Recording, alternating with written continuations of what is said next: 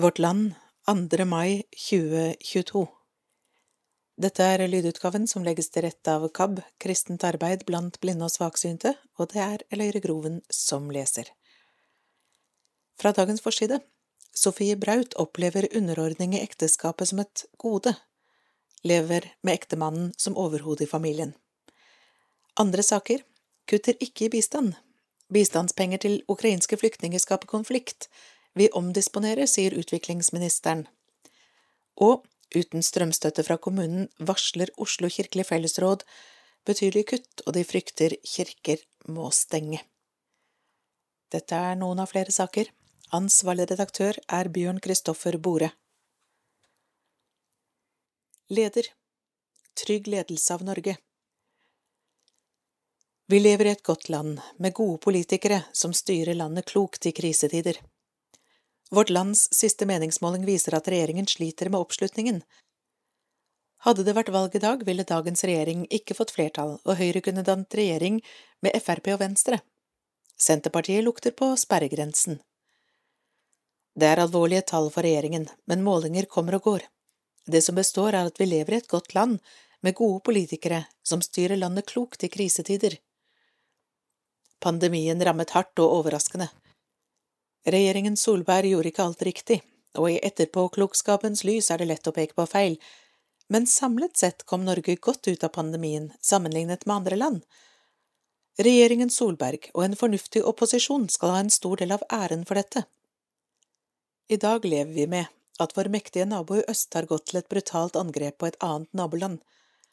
Russland er et land som nekter å gi slipp på imperialismen og har væpnet seg til tennene. Det er en utfordring for et lite land som Norge. Selv om regjeringen Støre sliter på målingene, så sliter den ikke med å styre Norge i krisetider.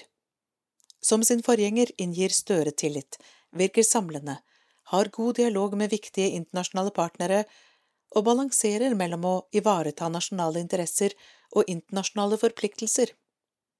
Norge er et land med lav intern spenning, stor vilje til samarbeid på tvers av blokkene, en sivilisert offentlighet og få blinde og glødende ideologer. Det er et gode for landets innbyggere. Norge har ingen Trump, Orban eller Le Pen. Ekstreme stemmer har liten eller ingen appell i folkedypet. Når det nærmeste vi kommer en populist med bred oppslutning i Norge er Sylvi Listhaug eller Trygve Slagsvold Vedum, så skal det godt gjøres å si at vi har et stort problem med populisme i Norge. Vi har ingen garanti for at det forblir slik. Vi skal ikke langt tilbake i historien før motsetningene var langt større i Norge, både i levekår og politisk. Arbeiderledere tok til orde for dynamitt i borehullene for å stanse streikebrytere, mens regjeringen sendte militære mot de streikende. I land ikke langt unna Norge ser vi motsetningene øke og populister og rødglødende ideologer får makt. Norges sunne og vellykkede politiske kultur er noe vi alle er med på å forme. Vi må stå opp mot ekstreme ideologer, falske nyheter, polariserende retorikk og kreftene som vil rive ned alt det som binder oss sammen. Dette er spesielt viktig i en krisetid som nå.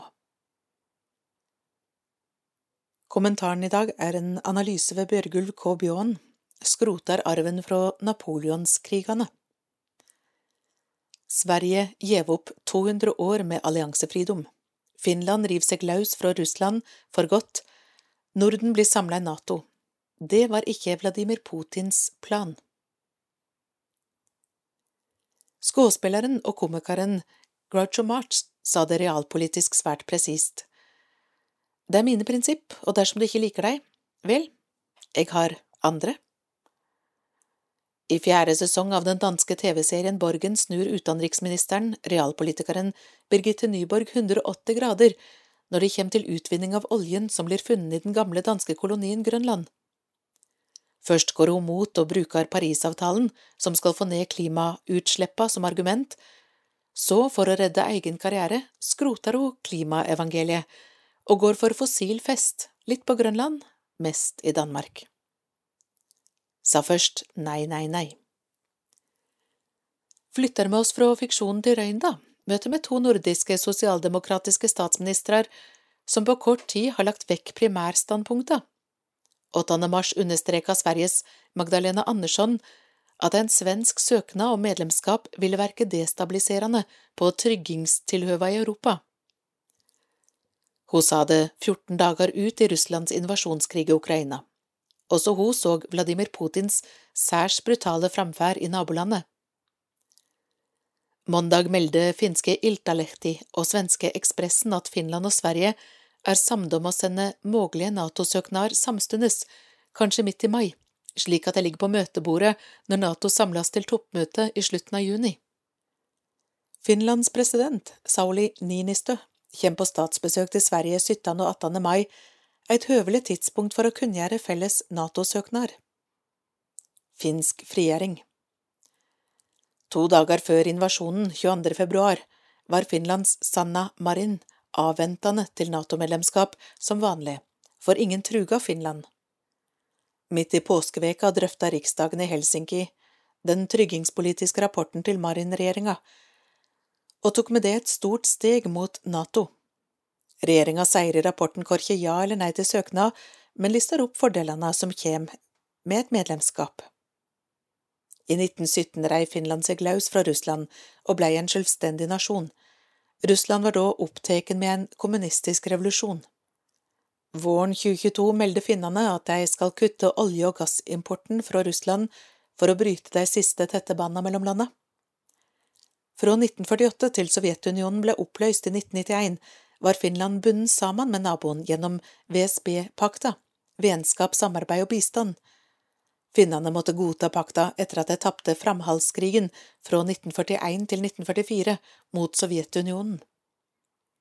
Avgjort i mai. Motstanden mot NATO er fremdeles sterk i Magda Anderssons parti, og på svensk venstreside. Regjeringspartiet Sosialdemokraterne skal senest 24. mai avgjøre om Sverige skal søke seg inn i NATO-fallen. I en måling vil 57 prosent av svenskene inn i NATO, og det raskt. I Finland skal det sosialdemokratiske partiet endelig ta stilling 14. mai. Da Russland gikk til åtak på Ukraina, meldte finnene hvor de vil gå. 62 prosent vil inn i NATO, og det raskt.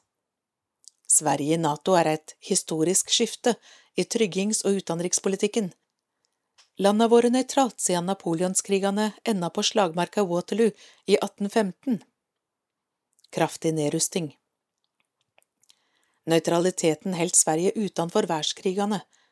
Under den kalde krigen var Sverige et militært, sterkt og alliansefritt land, lenge styrt av sosialdemokratene. Til tider lå forsvarsbudsjettet på over 4% av BNP, noe som ga landet et av verdens største flyvåpen og en mobiliseringshær på 800 000 soldater. Men i løgn av nøytraliteten samarbeida Sverige med USA. Washington skulle gripe inn om Sovjetunionen gikk til åtak på Sverige. På 60-tallet begynte den svenske nedrustinga, og i 2015 utgjorde forsvarsbudsjettet bare 0,9% av BNP. Sier Natos medlemsland ja til Sverige, må statsminister Andersson finne fram milliarder til Forsvaret. Blir Sverige stående utenfor Nato, må Trule finne fram enda flere milliarder for å styrke Sverige mot Russland. I Finland er ståa annerledes. Landet har allerede et sterkt forsvar og er 1340 km lang grense mot Russland. Trusler fra Moskva Ferda mot NATO har fått Russland til å komme med trusler. Atomvåpen kan bli utplassert i Austersjøområdet. Moskva har også forkynt at om Sverige og Finland melder seg inn i NATO, må de bu seg på uspesifiserte konsekvenser. Derfor rår det ei spent stemning i Helsinki og Stockholm. Hva kan skje i mellomperioden?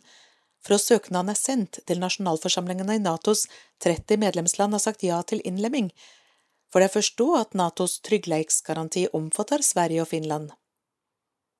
Sverige, Finland og Nato har lenge samarbeidet nært, øvinger og utenlandsoperasjoner, så den formelle vurderinga kan gå så fort at alliansen er utvida til 32 medlemmer allerede i høst. Nyhetene starter med bistandsdebatten, må bruke bistandspenger på ukrainske flyktninger, av Johannes Nyborg. Tusenvis av ukrainske flyktninger blir nå huset i Norge, men hvordan dette skal finansieres, skaper konflikt. Ikke bruk bistandsbudsjettet, sier kritikerne. Det kan ikke utviklingsministeren love. I mars satte Danmark av to milliarder danske kroner fra deres bistandsbudsjett til ukrainske flyktninger i landet. I Norge har regjeringen varslet at tilsvarende kan skje her også. Samtidig med dette har krigen forårsaket prisvekst på mat, energi og gjødsel. Det er varslet sultkatastrofer. Nå må vi ha to tanker i hodet samtidig, sier utviklingsminister Anne Beate Tvinnereim i et intervju med Vårt Land. Å bruke deler av bistandsbudsjettet på flyktningmottak er ikke uvanlig i Norge, og det ble satt av i underkant av 500 millioner kroner til det før krigen brøt ut i Ukraina. Problemet nå er dimensjonene, ifølge Tvinnereim. Det er jo ikke snakk om å kutte i bistand, men kanskje å omdisponere. Jeg skal kjempe med nebb og klør for at minst mulig av de utgiftene skal gå utover andre bistandsinstanser.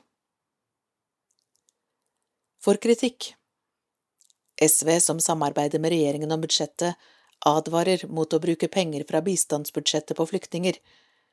Det vil heller være et økende behov for bistand for å håndtere de langsiktige konsekvensene av Ukraina-krisen, for eksempel påvirkningen på matforsyningen i flere land, sier SVs finanstalskvinne Kari Elisabeth Kaski.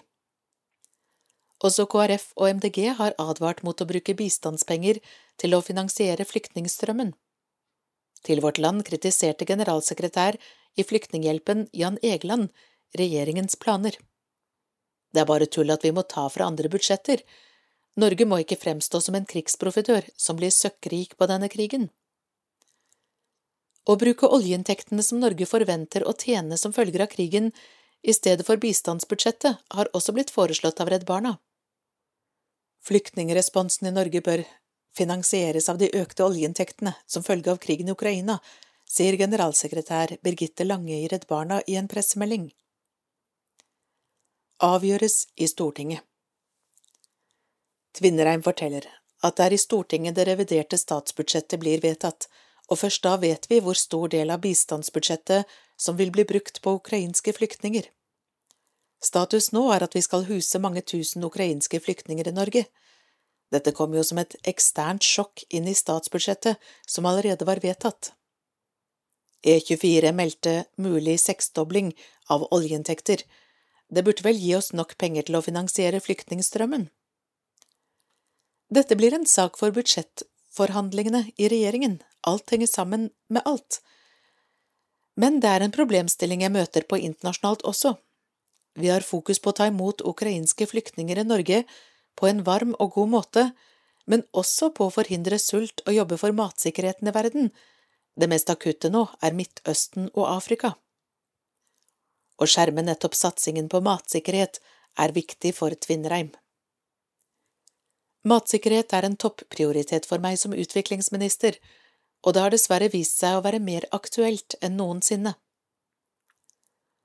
Varsler katastrofe. Verdensbanken har regnet ut at matvareprisene kan øke med 37 prosent. Samtidig øker prisene på energi og kunstgjødsel. Tvinnereim er redd for at dette vil lede til en global sultkatastrofe. Allerede før krigen var det varslet om økt sult i mange utviklingsland. I Øst-Afrika var situasjonen alvorlig fra før på grunn av tørke, nå blir den enda mer prekær. Hun nevner blant andre land Libanon, Jemen, Egypt og Eritrea som ekstra sårbare nå. Libanon importerer 80 prosent av sitt korn, og 95 prosent av dette kommer fra Ukraina og Russland. Det er klart at det er fullstendig katastrofe for et land hvor rundt halvparten av befolkningen allerede lever i ekstrem fattigdom.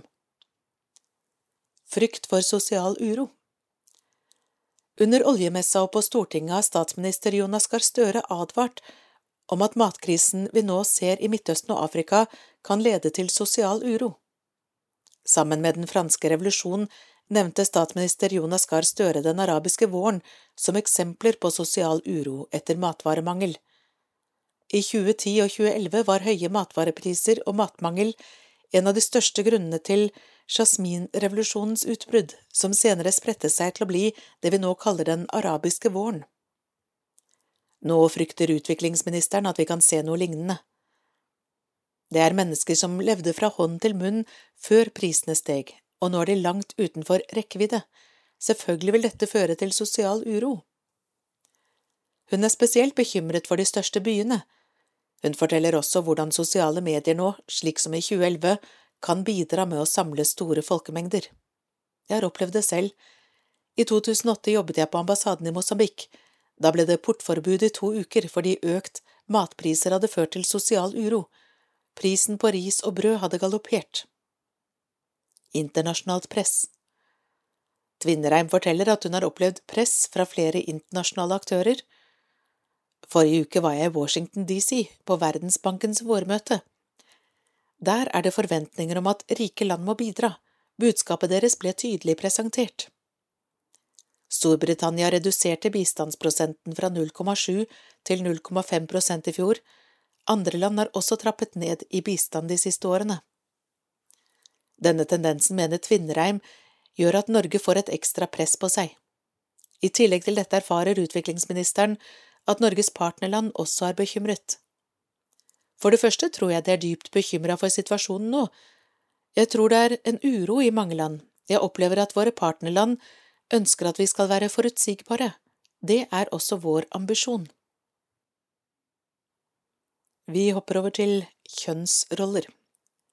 Sofie Braut lever med mannen som overhovue i familien, av Ruth Einervoll Nilsen og Caroline Teinum Gilje.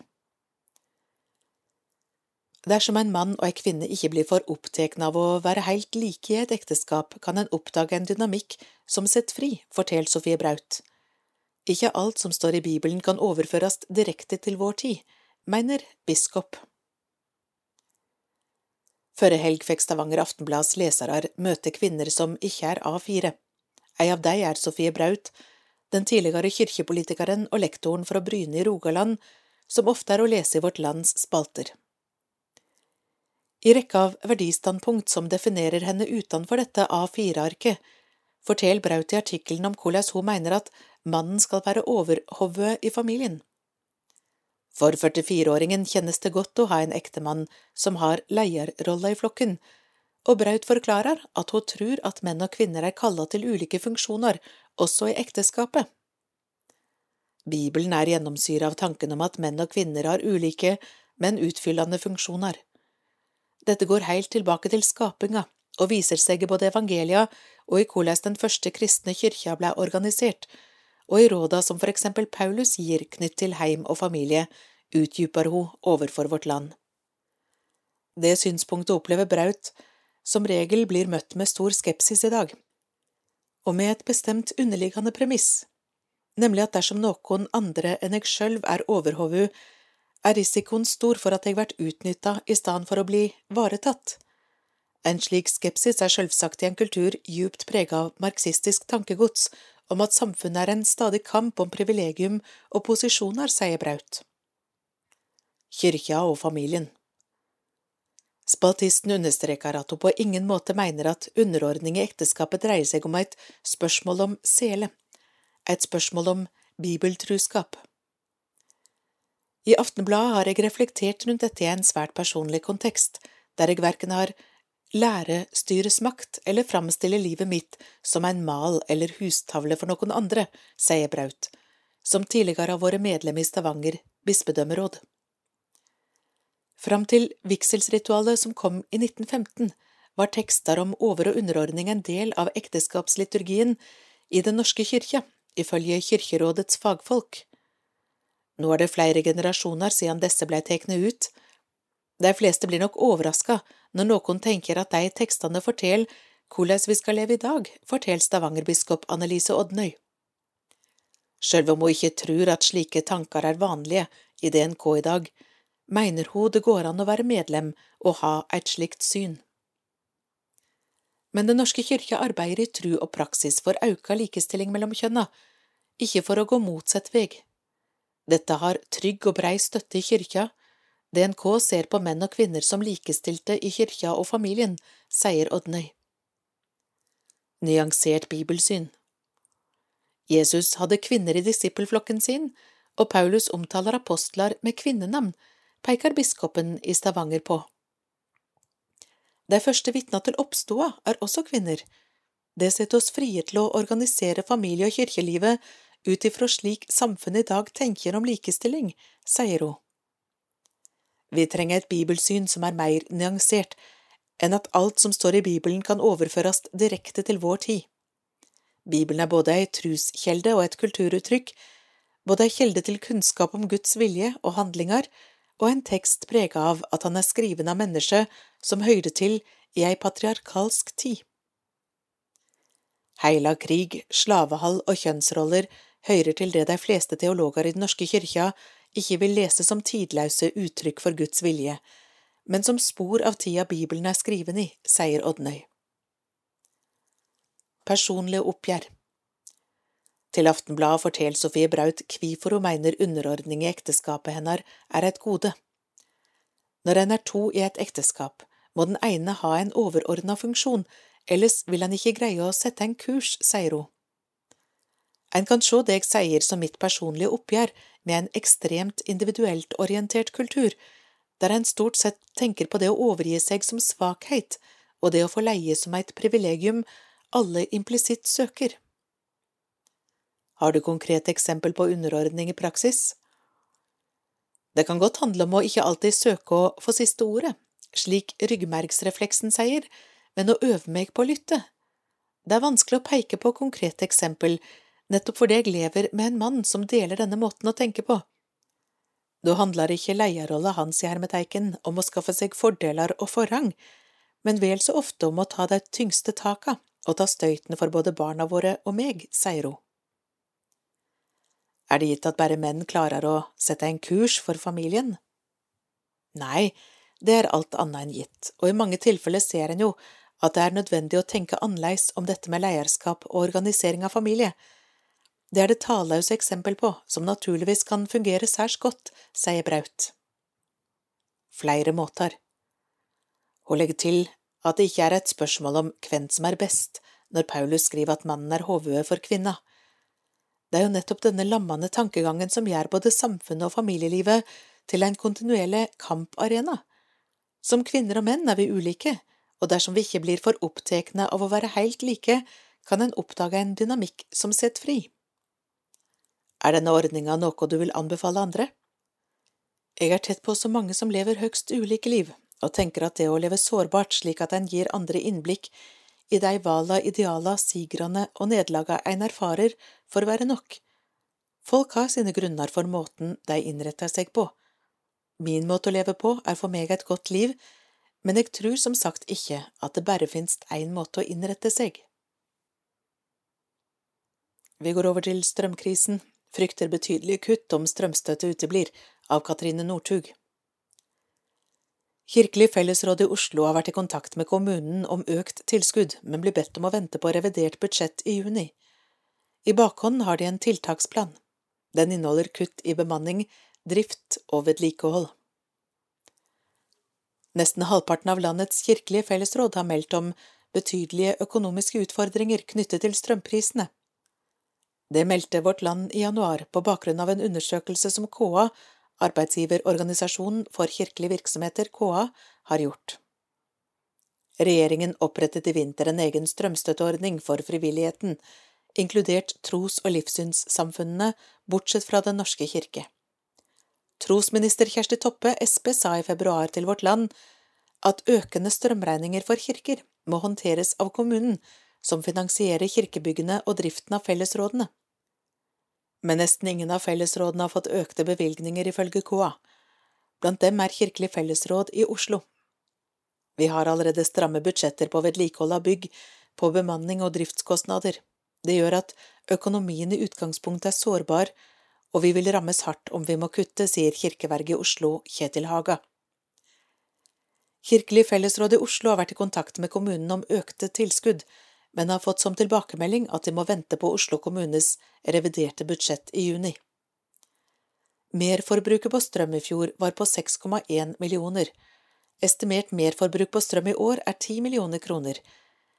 De har ikke fått noen løfter fra kommunen. Det får Marit Brandt Lågøyr, avdelingsdirektør i KA, til å reagere. Må stille opp. Vi har dessverre ikke noe annet alternativ enn å løfte denne problemstillingen enda en gang, Lokalkirken sliter fortsatt med strømregningene fra det siste halvåret, til tross for at kommunene har fått ekstra midler som blant annet skulle gå til å hjelpe fellesrådene med dette, sier hun, og fastslår nå må kommunene stille opp, slik de har fått klar beskjed om fra regjeringen. KA vil ta opp tematikken atter en gang med trosministeren i morgen. Betydelig kutt. Kirkevergen i Oslo viser forståelse for at kommunen har mange behov som skal ivaretas. De har en krevende kabal å legge, med blant annet kostnader knyttet til flyktningsituasjonen som har oppstått, sier Kjetil Haga, men forteller samtidig at det vil få betydelige konsekvenser for kirkene om det ikke får gjennomslag i revidert budsjett. Hvis vi ikke får noe, har vi lagt en tiltaksplan for hvordan vi skal håndtere situasjonen. Da må vi kutte i vedlikehold, bemanning og drift. Dette er betydelige kutt, sier han. Tiltakspakken la han frem for fellesrådet torsdag kveld. Han forteller at han møter forståelse. Likevel har det vært merkbart hvordan kirken har jobbet for å holde strømprisene nede. Da vedtok flere kirker å senke temperaturen til 19 grader. Det laveste vi har vurdert å gå ned til, er 15 grader, og gå til stengning av enkelte kirker, men det har vi ikke gjort foreløpig. Inn mot neste vinter kan det bli nødvendig å stenge noen kirker og samle aktiviteten andre steder, sier Haga grunn til bekymring. Den ferske undersøkelsen som ble gjennomført av KA blant de kirkelige fellesrådene, viser at statsråden hadde grunn til bekymring. Halvparten av fellesrådene melder om betydelige økonomiske utfordringer knyttet til strømprisen. Av disse har drøyt 60 prosent vært i kontakt med kommunen på administrativt og oftest også politisk nivå, med spørsmål om ekstra tilskudd for 2022. Blant dem som har vært i kontakt med kommunen, venter to av tre fortsatt på svar. En av fem har fått avslag på søknaden. Bare fire prosent av dem som har bedt om ekstra tilskudd, har fått det. Vårt Land har stilt Oslo kommune flere spørsmål angående strømstøtten til kirkene. De har ikke svart. Det har vært eh, landsmøte for Frp. Frp-profiler vil helst se til Senterpartiet av Andreas W.H. Lindvåg. Flere Frp-profiler foretrekker å søke til Senterpartiet fremfor KrF og Venstre i 2025, men viljen til å strekke seg for å danne flertall er mye mindre enn før. Aller minst synes lysten på Venstre-samarbeid. Det viser en stikkprøve Vårt Land gjorde blant Frp-profiler da partiet avholdt sitt landsmøte på Gardermoen i helgen. Fra talerstolen tok flere opp viktigheten av å vinne tilbake makten fra Jonas Gahr Støre og sosialistene ved stortingsvalget i 2025, men hvem bør Frp i så fall søke flertall sammen med? Snakker med mange. Alle vårt land har snakket med, mener Høyre er det naturlige partiet å søke regjeringsmakt sammen med for Frp, men mye må skje i norsk politikk før de to partiene får flertall alene. Noen nærer fortsatt håp om at Senterpartiet med tiden kan skifte side. Jeg snakker med veldig mange Sp-folk som er fortørnet over at de hører til den rød-grønne siden, sier Frank Sve fra Møre og Romsdal. Stortingsrepresentanten peker på samferdsel og drivstoffpriser som saker der Sp ligger nærmere Frp enn sin nåværende budsjettpartner SV. Så du vil heller søke flertall med Sp enn KrF og Venstre? Jeg mener det, bekrefter Sve. Klimaalarmister. Partienes store og stortingsrepresentant Carl I. Hagen ønsker også å forhandle med Høyre og Senterpartiet hvis de får flertall ved 2025-valget. Muligens også KrF hvis de er av relevant størrelse, skriver han i en SMS til Vårt Land.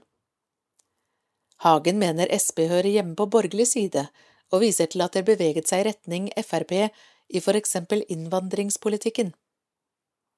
Hvorfor ikke Venstre?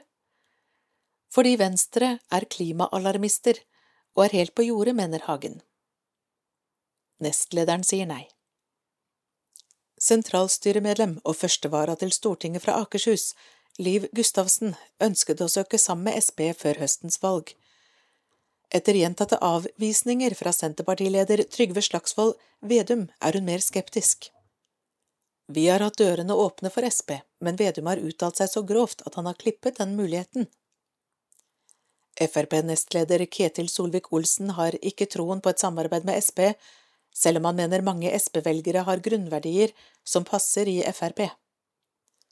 Senterpartiet gikk til valg på å føre mer Frp-politikk med venstresiden enn Frp fikk til med høyresiden, men jeg tror ikke det er vits i å bruke kalorier på å samarbeide med ledelsen i Sp, som heller vil være på rød-grønn side. Vi skal få til noe godt med Høyre, og så skal vi minne Sp-velgerne på at de egentlig hører hjemme hos oss, sier nestlederen. Jeg er skeptisk. Frp har tradisjon for å nekte å være støtteparti for en regjering partiet selv ikke er del av. Nesten ingen vårt land har snakket med ønsker å regjere med Venstre og KrF, og absolutt ingen tar til orde for en ny samarbeidsavtale, slik som Høyre–Frp-regjeringen hadde med de to sentrumspartiene fra 2013 til 2017. Jeg er skeptisk til alt det der. For meg er det regjering med Høyre eller ingenting. Sist måtte vi gi småpartiene mye. Venstre har nesten blitt mer MDG enn MDG selv, de blir så ekstreme, mener Liv Gustavsen. Solvik-Olsen er den eneste vårt land har snakket med som foretrekker å søke til KrF og Venstre. Han vil likevel ikke formalisere samarbeidet, men heller ha en velvilje til å finne enighet. Det er mange fine folk i Venstre og KrF, men kulturen i Venstre er så annerledes enn vår at det var mer trøbbel enn det var glede å regjere sammen. Jeg tror at Høyre og Frp i mindretallsregjering er vår tanke, hvis vi ikke får flertall sammen. Avgjørende gjennomslag Andre kvier seg for å uttale seg kategorisk om hvem Frp bør forsøke å danne flertall med, hvis de ikke får flertall med Høyre. Det kan jo være at det er håp om at Sp blir et borgerlig parti igjen, og at det går an å snakke med dem, men jeg skal ikke forskuttere noe. Frp går til valg på vår politikk, så må vi se hva vi eventuelt kan forhandle med andre om, sier Silje Hjemdal, stortingsrepresentant for Hordaland. Du vil ikke prioritere mellom Sp, KrF og Venstre? Det som blir avgjørende for meg, er hva Frp får gjennomslag for, og om det vil bety en ny kurs og retning for Norge. Det blir hypotetisk. Og så til søkertall, det gjelder prestestudiet. 76 personer har prestestudier som førstevalg av Julie Horpestad. Det er omtrent like mange søkere som i fjor med profesjonsstudier i teologi som førstevalg, viser tall fra Samordna opptak. På onsdag ble søkertallene for høyere utdanning i Norge offentliggjort, og for første gang på lenge er søketrenden synkende. Søkertallet til profesjonsstudier i teologi er derimot nesten identisk med fjorårets. I fjor hadde profesjonsstudier i teologi, som ble tilbudt ved Universitetet i Oslo, VID Vitenskapelig høgskole og MF Vitenskapelig høgskole, totalt 229 søknader, hvorav 70 hadde profesjonen som førstevalg. I år er det totalt 226 søknader, hvorav 76 er førstevalg. Det er altså en liten nedgang i antall søknader totalt, og en liten økning i antall som har utdanningen som førstevalg. Det er, i likhet med tidligere år, flest kvinner som har søkt seg til høyere utdanning.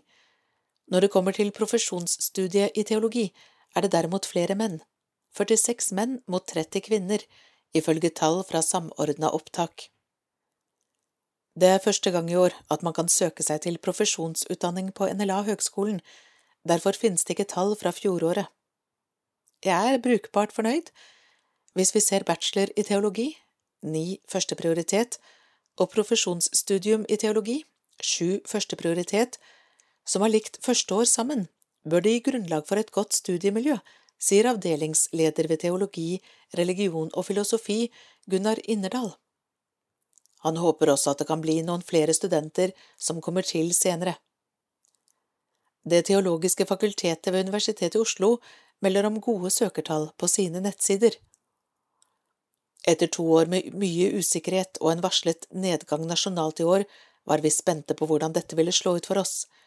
Desto mer gledelig er det da at vi går mot strømmen og har en positiv utvikling i år, sier dekan Aud Valborg Tønnesen. Fakultetet har samlet sett 50 søkere til sine teologiprogrammer, inkludert profesjonsstudiet. Prestemangel Tønnesen mener likevel det er grunn til nasjonal bekymring ettersom den totale søkningen til presteutdannelser stort sett har stått stille de siste årene.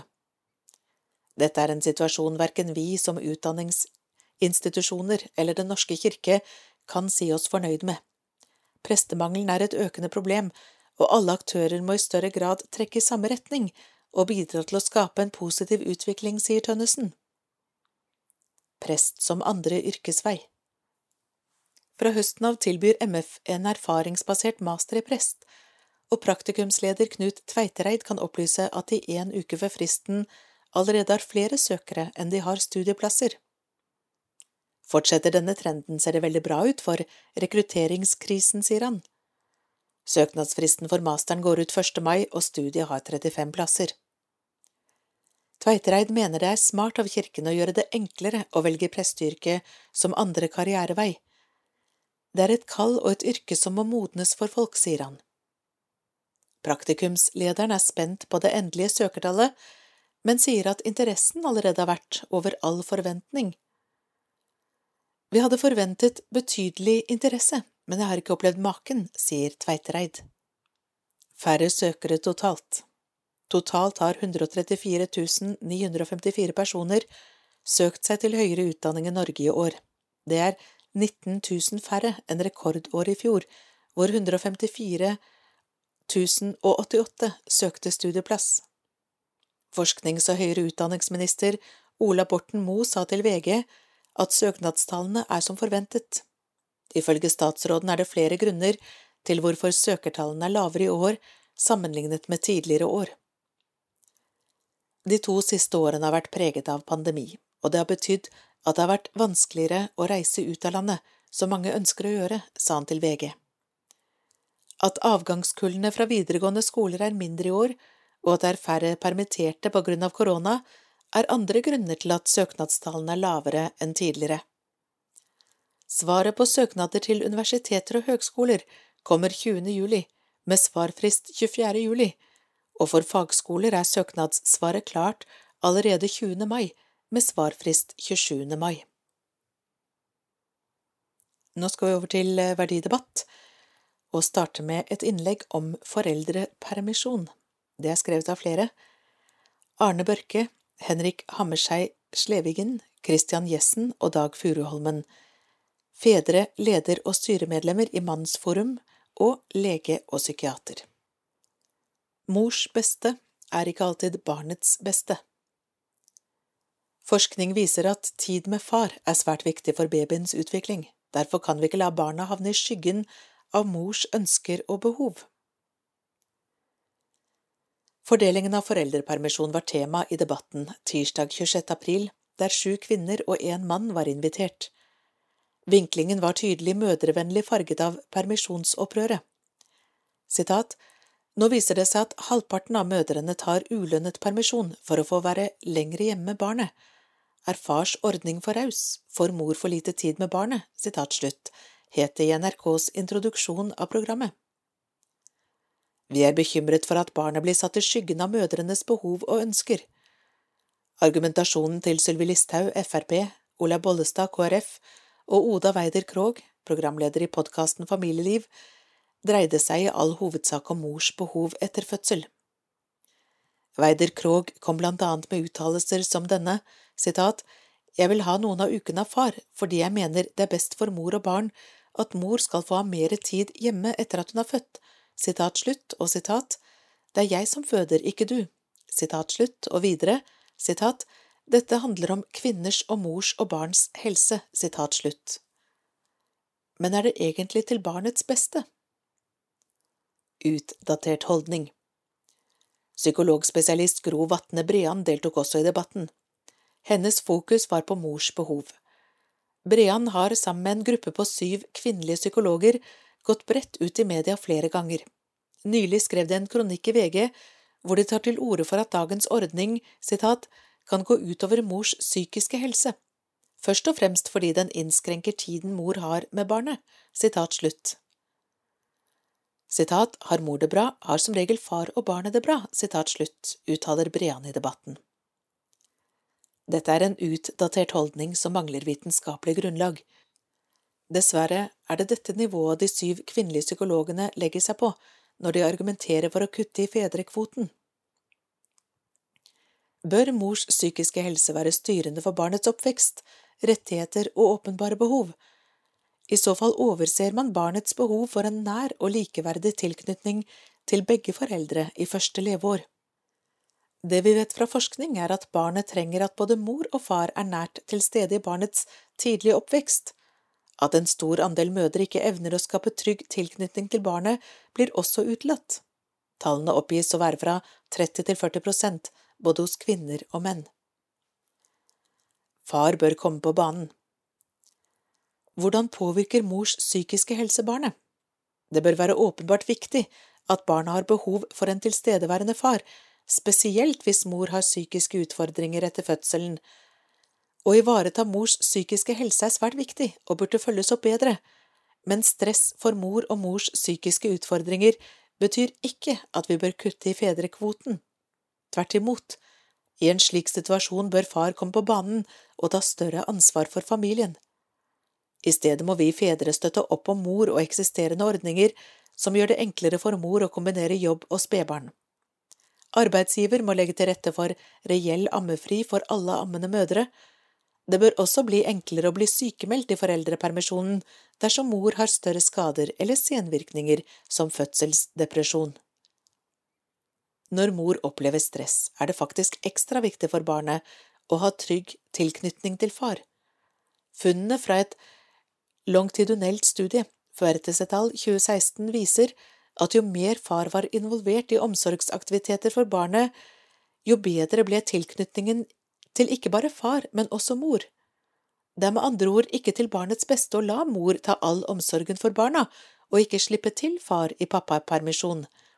Denne forskningen kan trolig ikke gi et eksakt svar om 15 ukers fedrekvote er det beste for barnet, men mye tyder på at når far tar en likeverdig del av omsorgen, avlaster det mor og bidrar til å fremme barnets psykiske helse. Faglig begrunnelse En doktorgrad ved Universitetet i Bergen viser at fars tid med babyen første leveår er viktig for barnets utvikling. Barn med pappaer som var mye hjemme det første året, hadde mindre utagerende atferd som toåringer. Det hjelper ikke å være en sensitiv og oppmerksom far hvis du er lite sammen med barnet ditt, sier forsker Kristin Berg Nordahl. Det er derfor oppsiktsvekkende at en gruppe kvinnelige psykologer bruker mors sårbarhet og utfordringer med psykisk helse som et argument for å kutte ned på fedrekvoten, slik at barnet får mindre støtte fra far eller medmor. Hvor er den faglige begrunnelsen for at det er best for barn å fjerne fars permisjon hvis mor sliter psykisk. Mannsforum mener barna må være hovedfokus ved vurderingen av foreldrepermisjonen. Da er det trist å se at barnets beste i hermetegn blir definert som mors beste i hermetegn. Vi ser det i barnefordelingssaker, og vi ser det også tydelig i debatten på NRK. Fedrekvoten Hovedmålet med foreldrepermisjon er å sikre barn god omsorg og psykisk helse. Her viser forskningen at noe av det viktigste vi kan gjøre, er å sikre barnet god tid, omsorg og kjærlighet fra begge foreldre. Da trenger barnet fedrekvoten. Tredelingen er også med på å sikre den viktige kontakten mellom far og barn om det skulle komme til samlivsbrudd. I dag mister hvert fjerde barn, 24 verdifull tid med pappa med dagens foreldrepermisjon. SSB, blant annet fordi fedre ikke har selvstendig uttaksrett. I tillegg kan fedre gå glipp av pappakvoten ved samlivsbrudd, da mor kan nedlegge veto og overta pappakvoten. Fantastiske perioder i hermetegn. Det dreier seg i første rekke om barnas behov og rett til en nær tilknytning til begge foreldre. Som tidligere nevnt er de første årene særdeles viktige for barnet, og fedrene har et likeverdig ansvar for å ta vare på barna i denne perioden.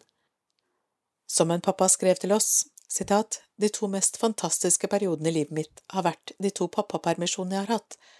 Jeg tror det har hatt en stor effekt på det tette båndet jeg har med barna nå, sitat slutt.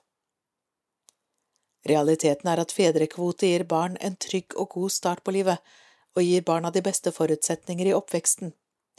Fedrekvoten er et av de viktigste virkemidlene for å sikre tusenvis av barn mulighet for en nær og trygg tilknytning til begge foreldre. La ikke barna havne i skyggen av mors ønsker og behov, det kan ikke være til barnets beste.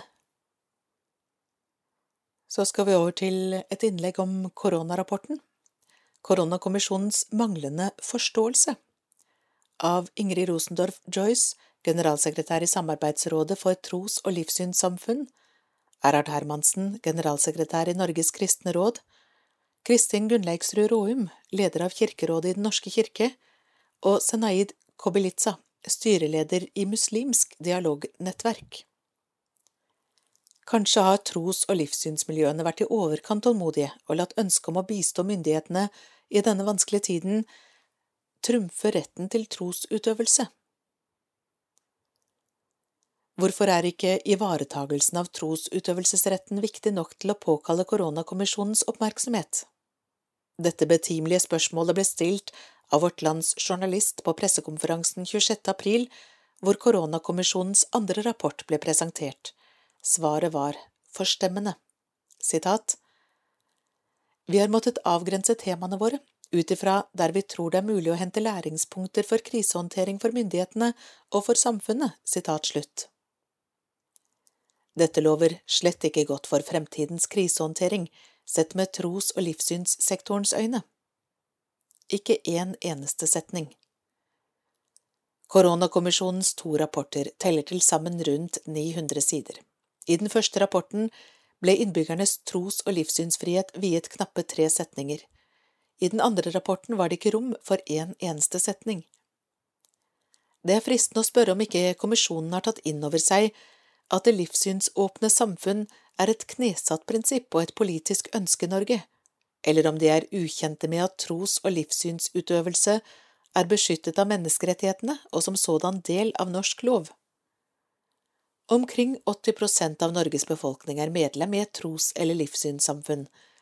Dette gir rammer og ritualer for store livshendelser, retning i hverdagen og trygghet i kriser.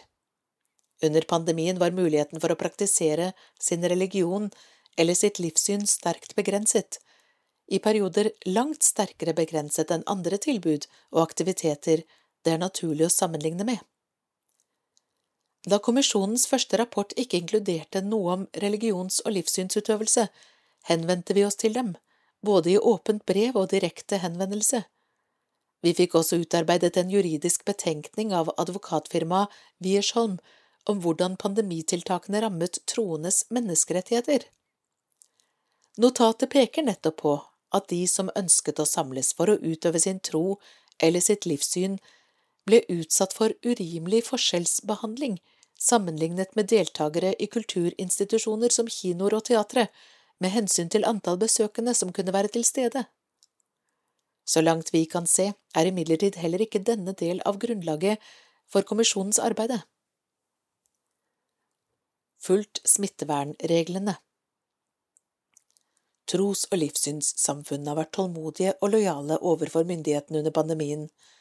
Ikke bare har vi fulgt smittevernreglene til punkt og prikke, men også stilt vår infrastruktur til disposisjon for myndighetene, slik at de har kunnet nå ut med informasjon til minoritetsgrupper. Når kommisjonens rapport beklager at ikke innvandrerorganisasjoner ble trukket inn tidlig i denne prosessen, stemmer ikke det helt. En rekke tros- og livssynssamfunn har medlemmer med bakgrunn fra mange ulike land. Tros- og livssynssamfunnene bidro dermed helt konkret til å nå også innvandrere og andre som ikke så lett tar til seg informasjon via andre kanaler. Min far leser ikke norske aviser og ser ikke på NRK, men informasjon gitt via STL har han tillit til, var det en som understreket i et av de mange møtene med ulike grupper og det offentlige i løpet av pandemien. En menneskerett Det er forskjell på gudshus og kinoer. Kanskje har tros- og livssynsmiljøene vært i overkant tålmodige og latt ønsket om å bistå myndighetene i denne vanskelige tiden trumfe retten til trosutøvelse.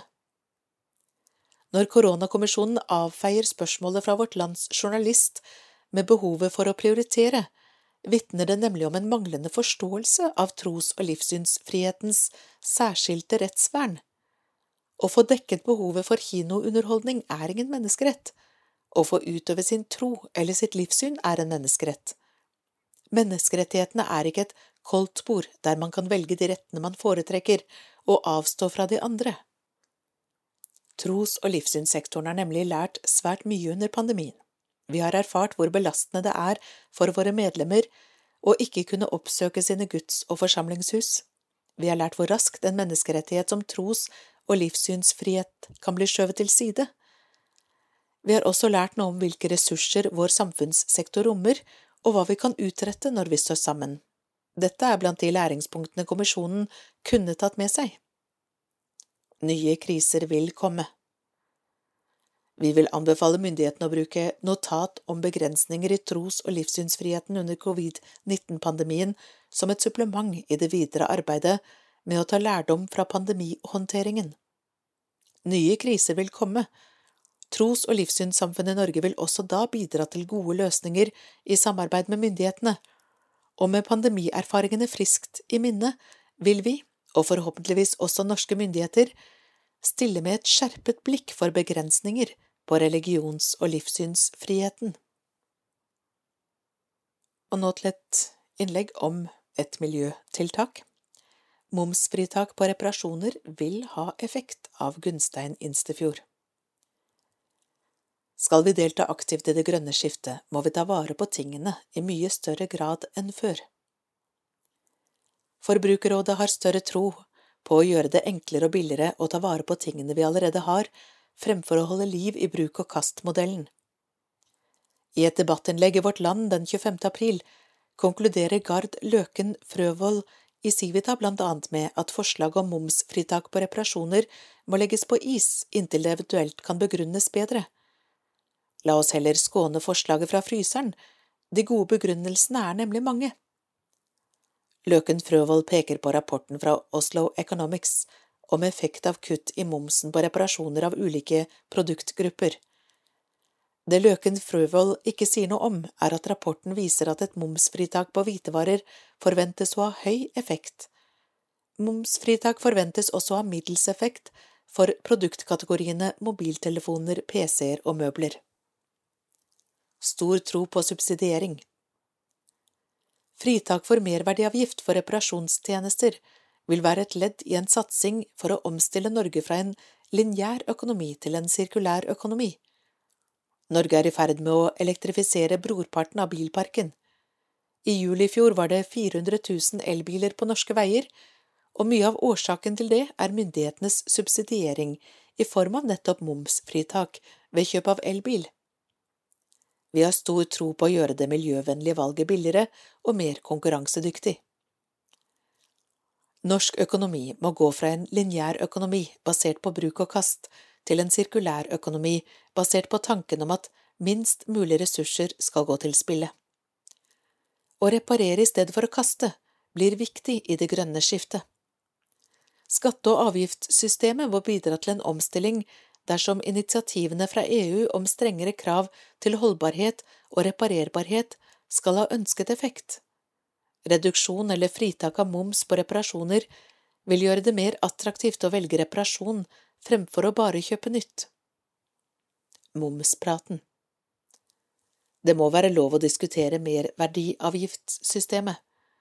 Momsen ble innført i 1970 og tok da over etter den såkalte omsetningsavgiften.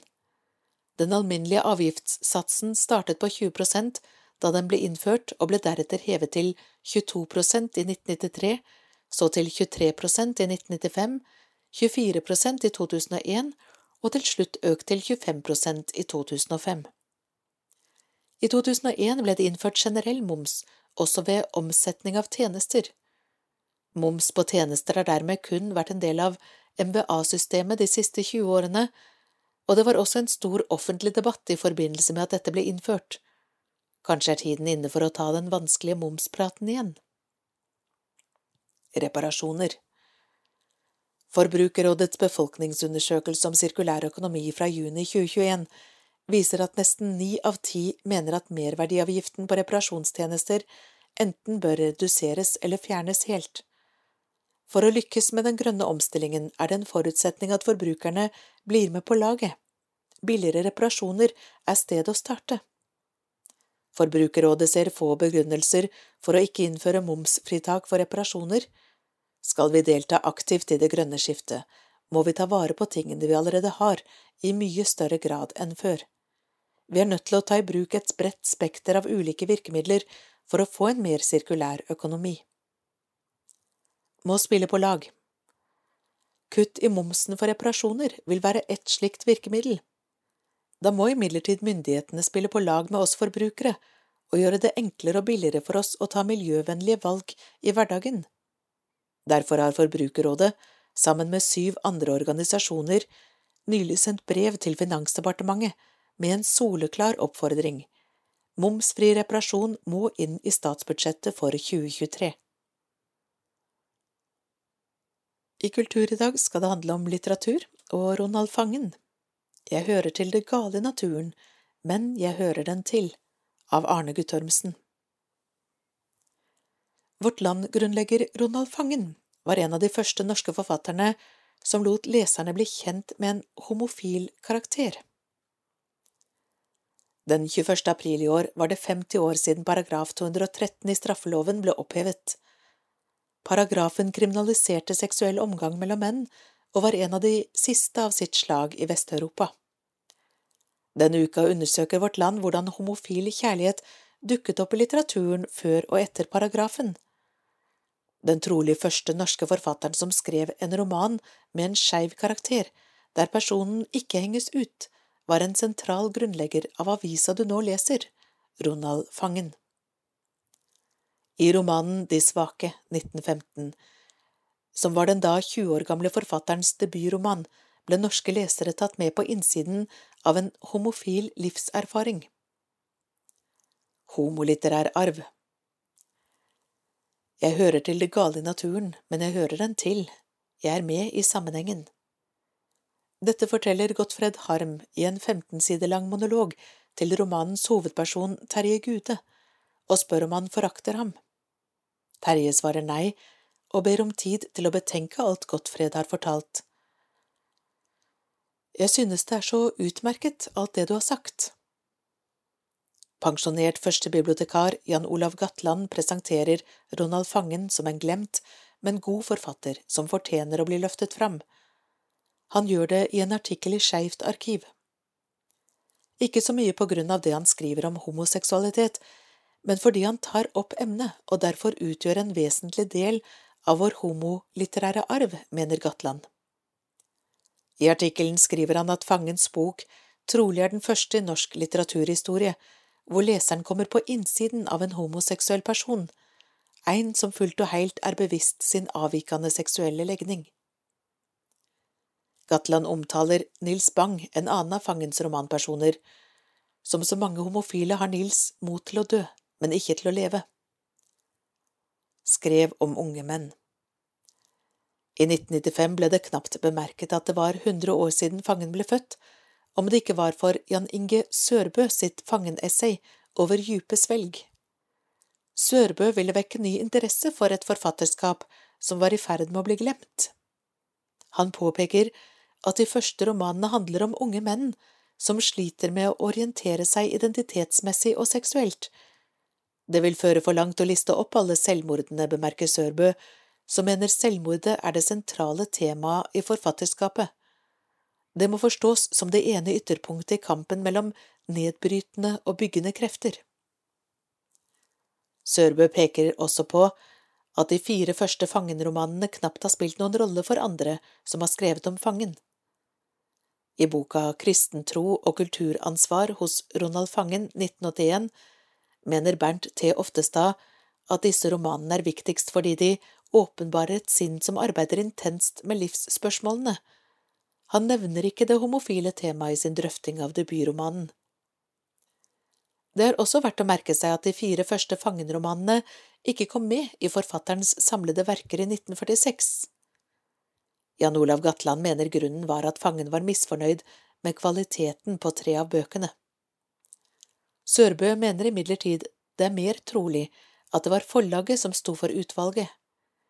En grunn til at de ble vurdert som litterært svake, mener Sørbø, er at tre av dem utvetydig tar opp homoseksuell problematikk. Men fangen skrev også om unge menn med en uklar kjønnsidentitet i seinere bøker. I Kvernen som maler langsomt er det en ung homofil mann som er gift, og som kjemper med sin drift. Fangen hadde ingen plan om å tie om dette temaet, sier han. I Carl Fredrik Engelstads magistergrad blir bøkene karakterisert som et slags ideologisk nullpunkt for fangen. Han var nær en nihilistisk posisjon som han seinere overvant ved kristendommens hjelp. Det var kanskje også en grunn til å utelate bøkene. Ikke et kampskrift. Jeg synes disse tidlige bøkene er veldig interessante, både i sin desperasjon og i sin vilje til å ta opp tema som ikke var lett å skrive om, sier Sørbø. Selv om romanen viser den strenge fordømmelsen av homoseksualitet i samtida, mener Sørbø det vil være tidsstridig å oppfatte fangens debutroman som et kampskrift for homofil frigjøring. Hvilken virkning fikk det at han skrev åpent på den måten? Det er vanskelig å si, men det er i alle fall en slående kontrast mellom fangens framstilling av unge homofile menn og det utsideblikket som nøyer seg med å karakterisere dem helt fra utsiden, som var det vanlige, gjerne med en karakteristikk som pervers eller lignende. I den grad romanene ble lest, må de ha åpnet for å se nettopp innsida av en mann med homofil orientering. Karakterene er framstilt som sympatiske, men i umulige livssituasjoner, svarer Sørbø. Fangens homofile romanpersoner aksepterer samfunnets fordømmelse og avfinner seg med at deres legning ikke er godtatt. Dette er ikke en kampsak for dem, men et slags livsvilkår. Derfor er romanene ikke et kampskrift for rettigheter, men innlevende skildringer, påpeker Sørbø. I Vårt Land og i leksikonartikler er det vanskelig å finne noen omtale av denne siden ved fangens forfatterskap. I kristne sammenhenger har fangen vært lest, men mest kjent som forfatteren bak salmen Guds menighet er jordens største under, som han skrev under annen verdenskrig. Etter at fangen ble med i Oxford-bevegelsen, ble også forfatterskapet sterkere preget av hans kristne omvendelse. Gud og hvermann Bibelteksten Amos 8, 4–7 Høyr dette, det som trakkar fattige ned og gjer ende på dei hjelpelause landet. Det sier, Når er nymånefesten over, så vi kan selja korn og sabbaten til ende så vi kan åpne kornsalet. Da gjør vi målet for lite og prisen for høg, og fuskar med falske vekter. Da kjøper vi småkorsfolk for penger, en fattig for et par sandaler, og sel avfallskorn. Herren har svore ved Jakobs byrgskap, aldri skal eg gløyma noe av det de har gjort. Ettertanken er skriven av Marita Bjørke Odland, sokneprest i Slemmestad og Nærsnes menighet. I have a dream. Overskrifta er, som sikkert alle veit, henta fra Martin Luther Kings kjente tale. I denne talen trekker han blant annet fram profeten Amos fra Det gamle testamentet som en fridomskjempe, en som står opp mot urett i en lang rekke av mange andre som har kjempa for rett og rettferd. Vi kan jo profeten Amos finne en sosialetisk budskap som vi kan relatere oss til i dag. Amos spår undergang fordi folk har vendt seg bort fra Gud. I vår tid er det ikke spesielt trendy å trekke liner mellom samfunnsmessig forfall og at vi ikke lenger bryr oss om Gud eller Guds ord. En blir ikke profet i eget land, det sa både Jesus, og Ibsen gjentok det da han la orda i Per Gynts munn. Jeg har lest på trykk, og satsen er sann, ingen blir profet i eget land. De færreste av oss har planer om å satse på en profetkarriere, men skulle vi kanskje av og til være litt mer modige enn vi er?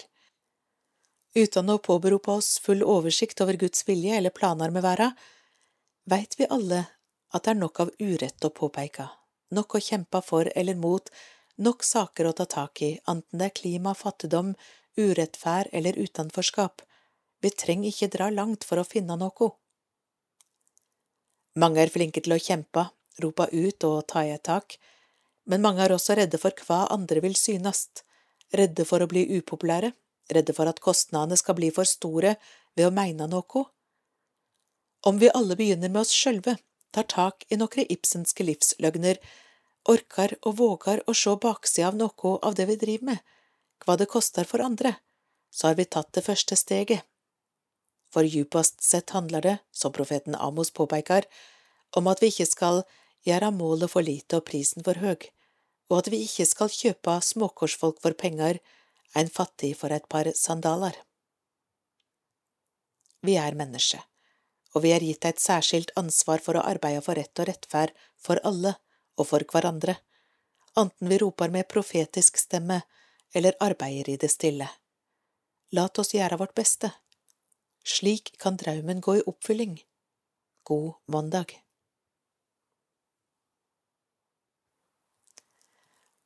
Og god mandag forblir bli avskjedsordet for denne lydavisen. Det er blitt 2. mai, og da er det jo bare å ta tak på arbeidet igjen. Ha en fin dag.